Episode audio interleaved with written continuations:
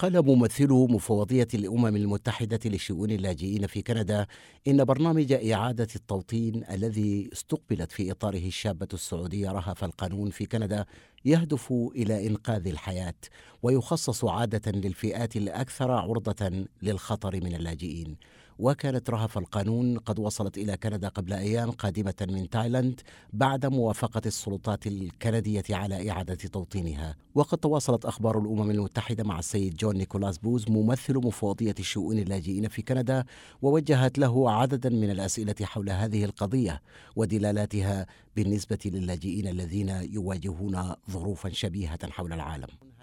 تثار بعض الأسئلة حول كيف ولماذا تم حل هذه القضية بالذات بهذه السرعة في حين أن إعادة توطين اللاجئين تستغرق وقتا طويلا إلى حد ما. صحيح لدينا في الواقع فرص محدودة جدا لإعادة التوطين. لذلك لا تتم إعادة توطين نسبة كبيرة جدا من اللاجئين في دولة ثالثة مثل كندا. في حالة رهف قمنا ببحث الوضع في البلد حيث وصلت وهو تايلاند وقد سمحت السلطات التايلاندية لمفوضية الأمم المتحدة لشؤون اللاجئين بالوصول إليها للنظر فيما ادعته بأنها ستكون في خطر لو تمت إعادتها إلى المملكة العربية السعودية. وقمنا على أساس ذلك بالاتصال ببلدان أخرى للبحث عن حل دائم لها ذلك في حال إن توصلت المفوضية بعد النظر في حالتها إلى أن صفة اللاجئة تنطبق عليها وقد استجابت السلطات الكندية بشكل سريع وجيد وقدمت الحل بإحضارها إلى كندا حيث بإمكانها الآن أن تستهل حياتها جديدة يقال إن الآلية التي قبلت كندا على أساسها طلب رهف القانون لإعادة التوطين لا تتاح إلا لجزء بسيط من اللاجئين حول العالم هل يمكن إخبارنا بالمزيد حول هذه الآلية والإجراء الذي تتطلبه؟ Uh, برنامج إعادة التوطين هو تدخل لإنقاذ الحياة وهو مخصص للفئات الأكثر عرضة للخطر بين اللاجئين. فعندما يصل اللاجئون إلى أول دولة يدخلونها يكون بعضهم قادرا على مواصلة حياتهم في منفاهم هذا. ولكن البعض الآخر لديه صعوبات خاصة ولا يستطيع المحافظة على سلامته وحياته في بلد الوصول الأول. وبالنسبة لهؤلاء نحتاج أن نجد لهم حلا في بلد ثالث وهذا هو ما تفعله مفوضية اللاجئين عبر ما يسمى ببرنامج إعادة التوطين. ونحن نتحدث هنا عن نساء يواجهن خطرا ماثلا وعن الأقليات من المثليين على سبيل المثال وعن أناس قد يواجهون خطر إعادتهم إلى بلدانهم الأصلية أو آخرين مما يعانون من مشاكل صحية لا يمكن حلها في بلد وصولهم الأول. وكل هؤلاء يمثلون 5% فقط من اللاجئين في العالم مما يمكن إعادة توطينهم في بلد ثالث. وقد حددت مفوضية شؤون اللاجئين ما يقارب المليون وخمسمائة ألف شخص ممن يحتاجون إلى حل إعادة التوطين. وهذه حالات نادرة الحدوث عادة وهي موجهة حقيقة للفئات الأكثر ضعفا من بين اللاجئين.